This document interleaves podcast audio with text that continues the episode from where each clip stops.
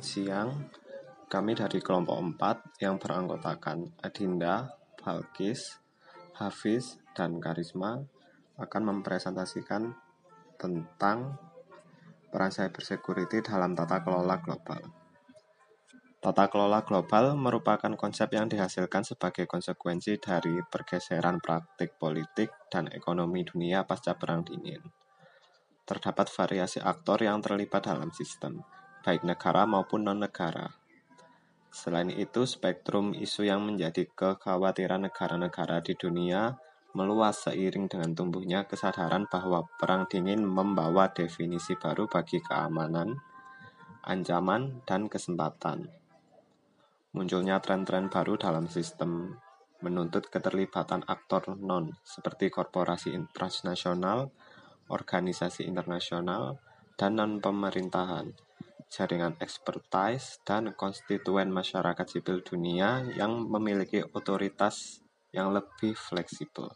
Selain itu, meningkatnya fragmentasi konsentrasi isu yang dibahas menuntut tata kelola global untuk memperbaharui mekanisme dan institusi menjadi non-tradisional, tidak selalu fokus pada kedaulatan negara.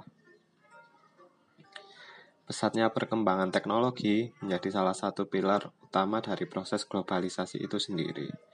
Situasi saat ini di mana informasi dapat diakses secara virtual, secara real time, serta arus pertukaran data bahkan jauh lebih cepat dari pergerakan barang dari satu negara ke negara lain dikatakan sebagai suatu fenomena hyperconnectivity.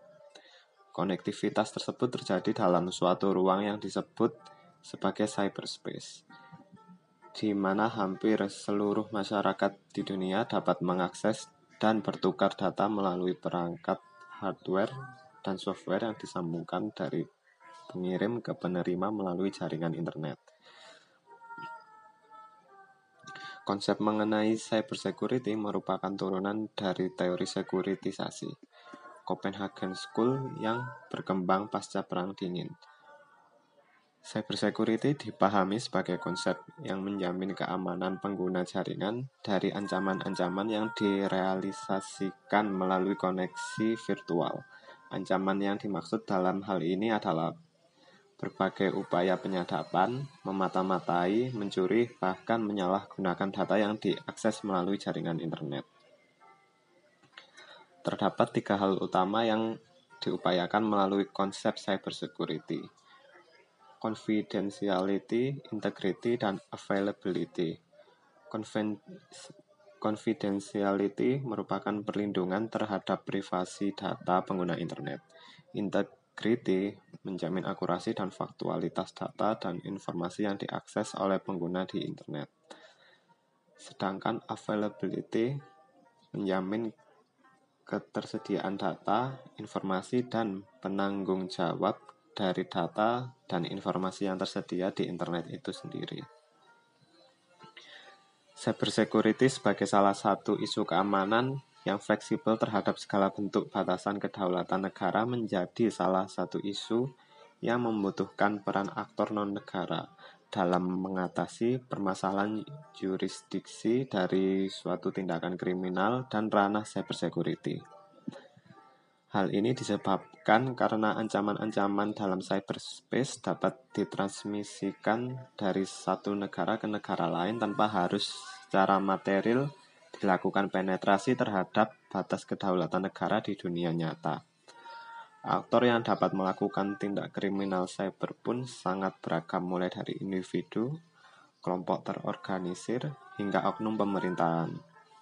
Menegakkan cyber security menjadi salah satu agenda penting dalam tata kelola global, karena cyber security berperan sebagai salah satu konsep yang bertujuan untuk melindungi masyarakat sipil di dunia dari berbagai ancaman humaniter.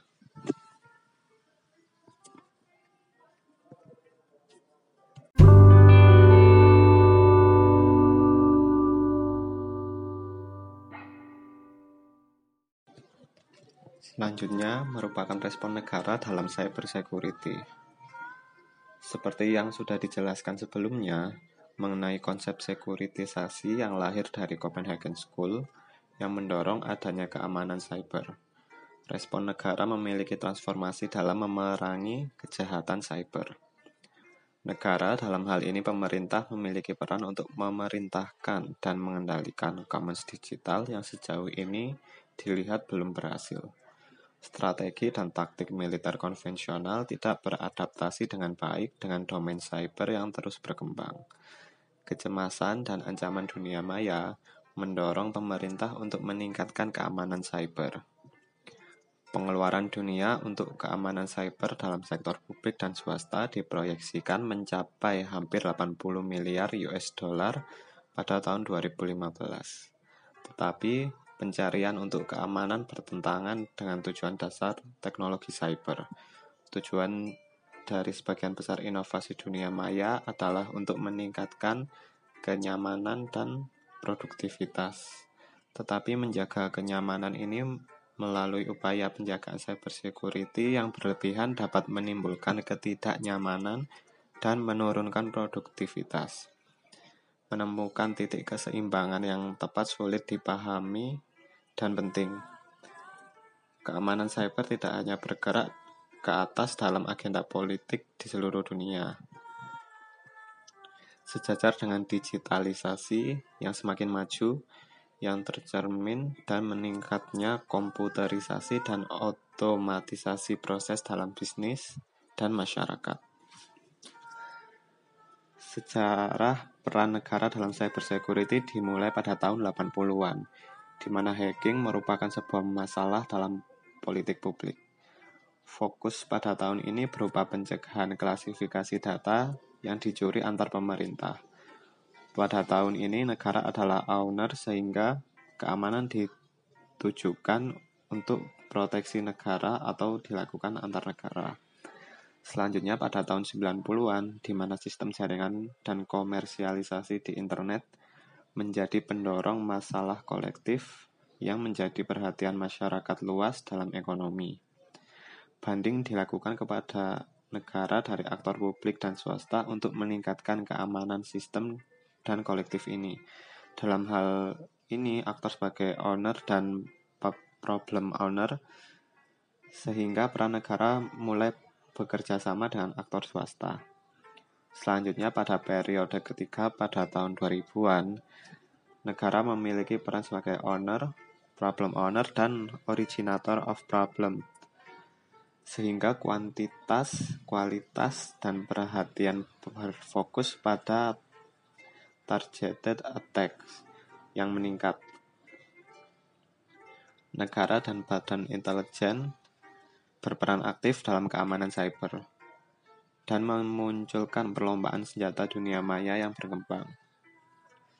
Karena aktor di dunia maya sering beroperasi secara internasional, dimensi internasional, terutama seputar seputar kerjasama hukum pidana, juga sangat penting.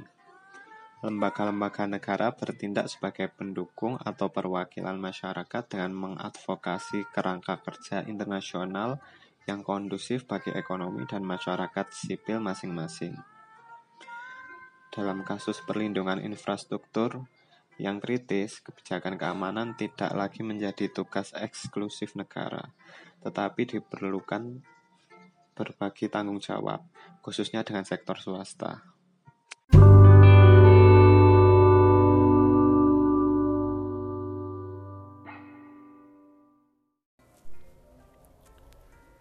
Selanjutnya, merupakan tata kelola cyber security di Indonesia. Implementasi cyber security di Indonesia dapat dilihat dari concern pemerintah Indonesia.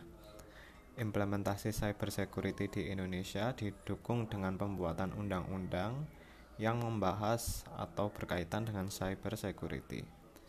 Beberapa di antaranya adalah UU Nomor 3 Tahun 2002 tentang pertahanan negara dan UU Nomor 11 Tahun 2008 tentang informasi dan transaksi elektronik. Selain undang-undang juga didukung oleh peraturan presiden dan peraturan keputusan Menteri Komunikasi. Pemerintah Indonesia memiliki dua kementerian yang dalam menjaga keamanan cyber. Pertama, Kementerian Pertahanan di mana memiliki wewenang untuk menjaga keamanan negara yang berkaitan dengan teritori dan kedaulatan, begitu juga dengan keamanan cyberspace.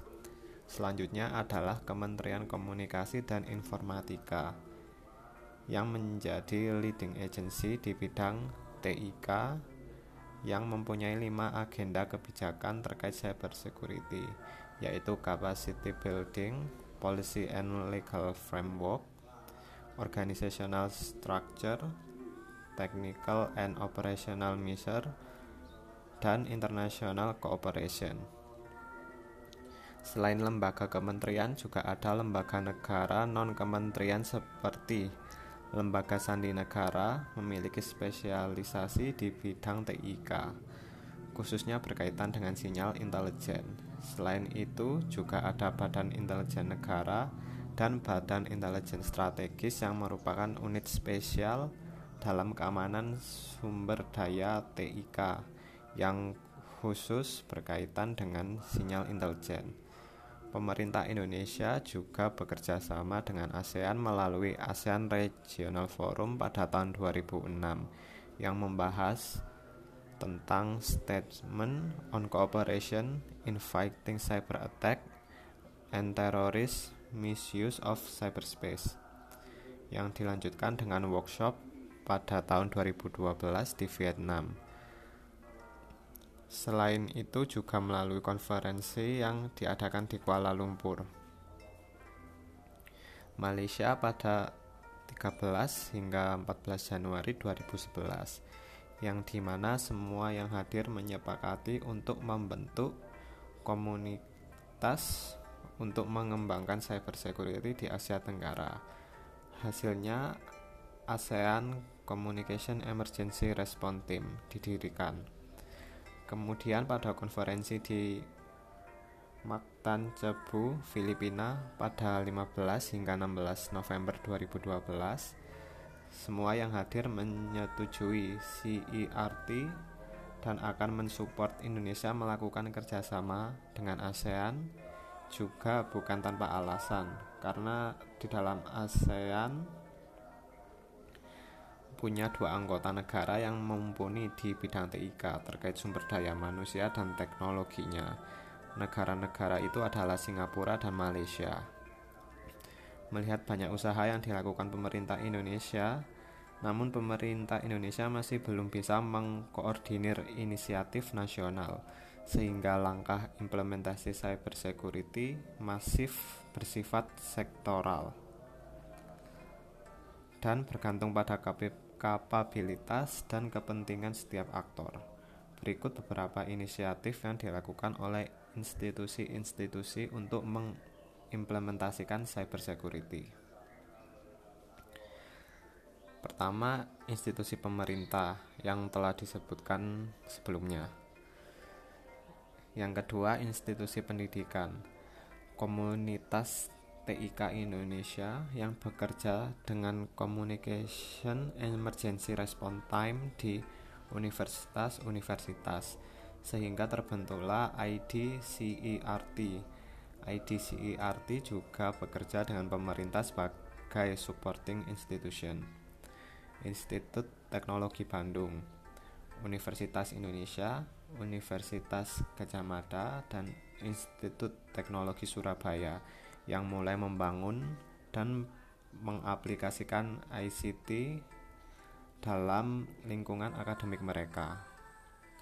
Yang ketiga, entitas bisnis.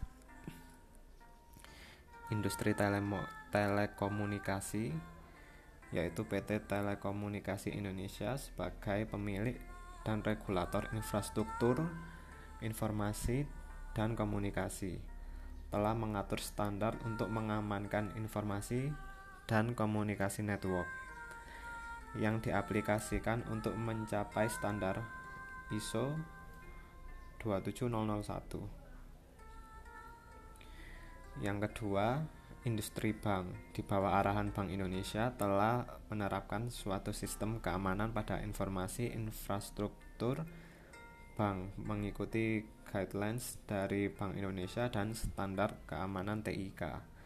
Yang ketiga, industri gas dan minyak bumi juga telah mengimplementasikan standar keamanan TIK di bidang masing-masing. Sekian dari kami, terima kasih.